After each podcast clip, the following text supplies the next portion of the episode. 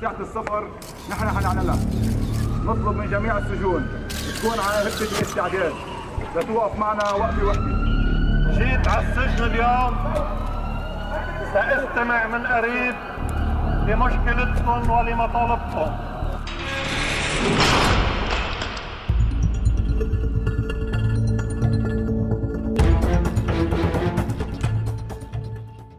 مرحبا جميعا. بدي أحكي اليوم عن أوضاع السجون والنظارات وأماكن التوقيف بلبنان. هاي الأماكن وضعها سيء جدا وما بيتناسب مع المعايير الدولية. شو هي هاي الأماكن؟ في سجون تابعة لوزارة الداخلية هن 24 سجن بتحرسهم قوى الأمن الداخلي. في نظارات بالمخافر. في نظارات تابعة للأمن العام وأمن الدولي والجيش.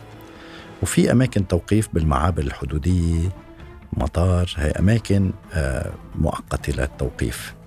وفي سجون تابعة للشرطة العسكرية وفي سجن كمان آه، بوزارة الدفاع. حنحكي شوي عن أوضاع هيدي السجون. هاي أوضاع السجون بشكل عام كلها ما بتتناسب مع المعايير الدولية. المعايير الدولية هي معايير بسموها معايير نيلسون مانديلا. الأمم المتحدة وضعتها هاي المعايير لحتى تحدد شو هي المعايير الأدنى للتعامل مع الأشخاص المحتجزين. ونفس المعايير اسمها معايير بانكوك لسجون النساء. أكترية المباني اللي منحبس فيها الناس بلبنان ما انبنت خصيصا لحتى نسجن فيها ناس.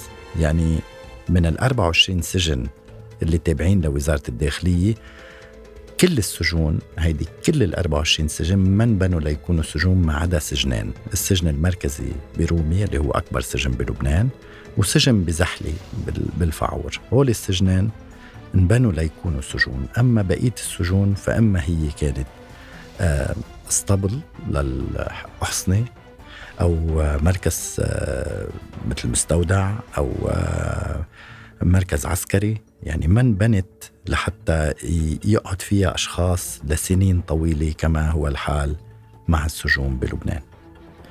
السجون كيف تتنظم؟ بنظمها مرسوم قانون اسمه المرسوم 14000 رقمه 14310 هيدا المرسوم طلع سنة 49 أدخلت عليه بعض التعديلات ولكن هو القانون الوحيد القائم لتنظيم السجون بلبنان. وهيدي مشكلة.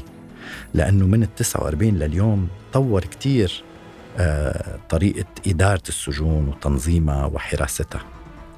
هلأ شو مشاكل السجون؟ نحن عندنا مشكلة الاكتظاظ عدد كتير كبير من السجناء موجود بأماكن ضيقة. بحسب المعايير الدولية ما مفروض تساع السجون بلبنان أكثر من 4000 شخص. أما الوضع الحالي فهو تقريبا 6000 ل 7000 سجين. أه وبنخلط السجناء مع بعض. يعني بنخلط الأشخاص الموقوفين يلي بعد ما صدر فيهم حكم مع الأشخاص المحكومين. المباني مهترية. منا يعني ما انعمل لها البنية التحتية تبعها ما انعمل لها إصلاحات جذرية. صحيح قوى الأمن حاولت تعمل بعض بعض التحسينات ودخلت بعض الجمعيات لتعمل بعض التحسينات الشكلية.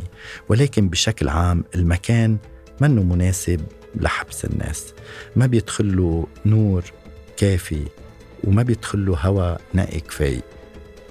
وفي نقص بالخدمات الطبية وفي نقص بالأطباء والأدوية مش بس للسجناء لحراس السجون كمان. وفي نقص بالعلاج من الإدمان ببلد مثل لبنان بكل أسف فيه إنتاج للمخدرات وإنتاج للهيروين. وبالتالي في عدد كبير من الأشخاص بيعانوا من هيدا الإدمان وهن بحاجة للعلاج ولكن العلاج منه قائم. مشكلة تانية مشكلة إضافية هي مشكلة النقل للمحاكم. فعنا مشكلة بقوى الأمن لأنه الآليات منا متوفرة وأوقات آه، آه، يعني في مشكلة بنقل الأشخاص من السجن للمحكمة ليحضروا الجلسات. وهذا بيأخر كل القضايا وبيطول مدة بقاء الأشخاص بالسجون. قوى الأمن بتدير السجون بتدير السجون بشكل مؤقت بشكل مؤقت من سنة التسعة وأربعين بشكل مؤقت لحين إنشاء مؤسسة متخصصة بتدير السجون. وما في لحد هلأ نية جدية لإنشاء هيك مؤسسة.